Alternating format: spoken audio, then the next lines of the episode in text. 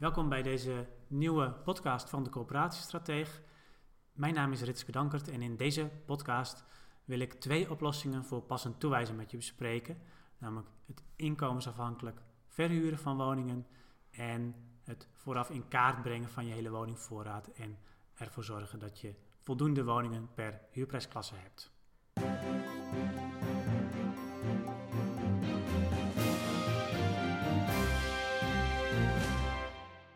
Een eerste manier om dat te doen is in kaart te brengen door middel van onderzoek hoeveel huishoudens er in eh, jouw werkgebied zijn die aangewezen zijn op de betaalbare huurwoningen. En dat is dan zowel voor de huidige situatie als natuurlijk ook voor de toekomst, want daar wil je op voorsorteren in je beleid. Op het moment dat je het aantal huishoudens weet, dan kun je ook daaraan koppelen hoeveel woningen van elke prijsklasse je dan nodig hebt. Een voordeel van deze aanpak is dat het makkelijk is om dat ook financieel door te rekenen. En dat betekent dat je dus ook ja, makkelijk kunt bepalen hoe ver je daar als coöperatie in kunt gaan. Je kunt daar ook afspraken over maken met belanghebbenden, gemeenten, huurdersorganisaties. En je kunt daar ook op een transparante manier verantwoording over afleggen. Een ander voordeel van deze aanpak is dat iedereen, elke huurder, ook hetzelfde betaalt voor dezelfde woning. Er zijn dus geen verschillen die misschien als onredelijk worden ervaren tussen verschillende groepen huurders met verschillende inkomens. Een nadeel van deze methode is dat het best moeilijk is om nou precies te bepalen hoeveel huishoudens er aangewezen zijn op de sociale huurwoningvoorraad.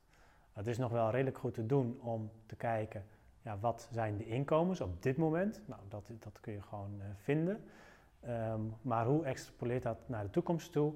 En welk deel van die mensen vindt ook zijn of haar weg in de uh, goedkope koopvoorraad? Dat, is, dat zijn vragen, dat maakt heel erg sterk uit hoeveel betaalbare woningen je nodig hebt. Dus dat maakt het lastig om die oefening te doen. Um, een ander nadeel is dat um, je hierbij ook je vastlegt en daarmee dus minder dynamisch kunt reageren op veranderingen in de markt, um, nou, veranderingen in de economie die inkomensstijgingen of inkomensdalingen met zich meebrengen, etc. Dus je bent daar wat minder flexibel in. Een ander nadeel is dat je niet elke woning aan iedereen ter beschikking zult willen stellen. Je zult de, eh, de voorraad met lage huren zul je niet willen gaan verhuren aan de, de huishoudens met de hogere inkomens. En andersom, om te voorkomen dat je niet voldoet aan de regels voor passend toewijzen. Een andere methode, een tweede methode, is het twee-hurenbeleid, wat onder andere door Portaal uh, zal worden gaan toegepast. En het voordeel van die methode is dat het heel dynamisch zich aanpast aan de marktsituatie die zich op dat moment voordoet.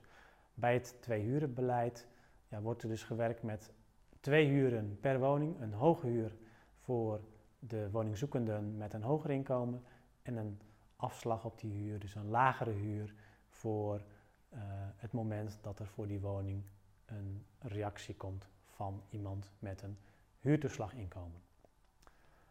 Dat betekent dus dat je ja, dynamisch meebeweegt met de markt. Op het moment dat er meer woningzoekenden zijn die huurtoeslag ontvangen, dan gaan de woningprijzen ook automatisch omlaag. En op het moment dat er weer meer mensen komen met hogere inkomens op de wachtlijst, dan zullen de, uh, ja, de huren ook meer, uh, ook vaker de hogere huur zijn. En zal de gemiddelde huur dus ook iets omhoog gaan.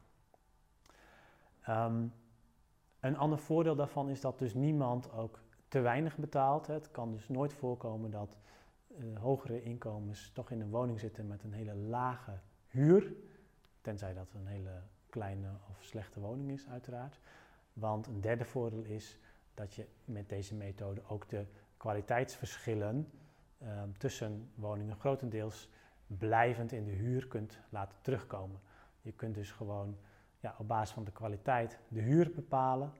Um, in ieder geval één van die twee huren, de hoge huur, hogere huur, kun je op basis van de kwaliteit bepalen, waardoor de kwaliteit van de woning ook tot uitdrukking komt in de prijs. En pas daarna ga je eventueel, als dat nodig is, omdat iemand een huurtoeslag zou ontvangen, een afslag doen op de huur en een lagere huur aanbieden.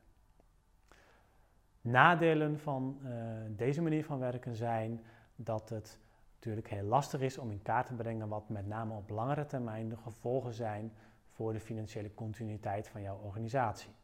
En dat betekent ook dat je er minder makkelijk prestatieafspraken over kunt maken. Over ja, hoeveel betaalbare woningen je uiteindelijk uh, levert in de betreffende gemeente of in jouw werkgebied. Um, een ander uh, potentieel nadeel is dat het ook wellicht oneerlijk kan overkomen voor uh, de huurders, de bewoners van de woningen, omdat het in dit systeem kan voorkomen dat twee woningen naast elkaar een verschillende huur hebben, terwijl de inkomens van uh, de mensen die daarin zitten zeg maar heel licht ontlopen. Nou, ik hoop dat je met deze video weer inspiratie hebt opgedaan om zelf te kijken van wat is voor, uh, voor onze situatie, voor mijn corporatie het meest geschikt om toe te passen, om ervoor te zorgen dat je dus binnen de nieuwe regelgeving van passend toewijzen toch blijft beschikken over voldoende betaalbare woningen voor de primaire doelgroep waar het uiteindelijk allemaal om gaat. Bedankt voor het luisteren naar deze podcast. Wil je nieuwe afleveringen ontvangen? Abonneer je dan op deze podcast. En kijk ook eens op onze website corporatiestratege.nl voor meer praktische tips en downloads die jouw werk als corporatiestratege makkelijker maken.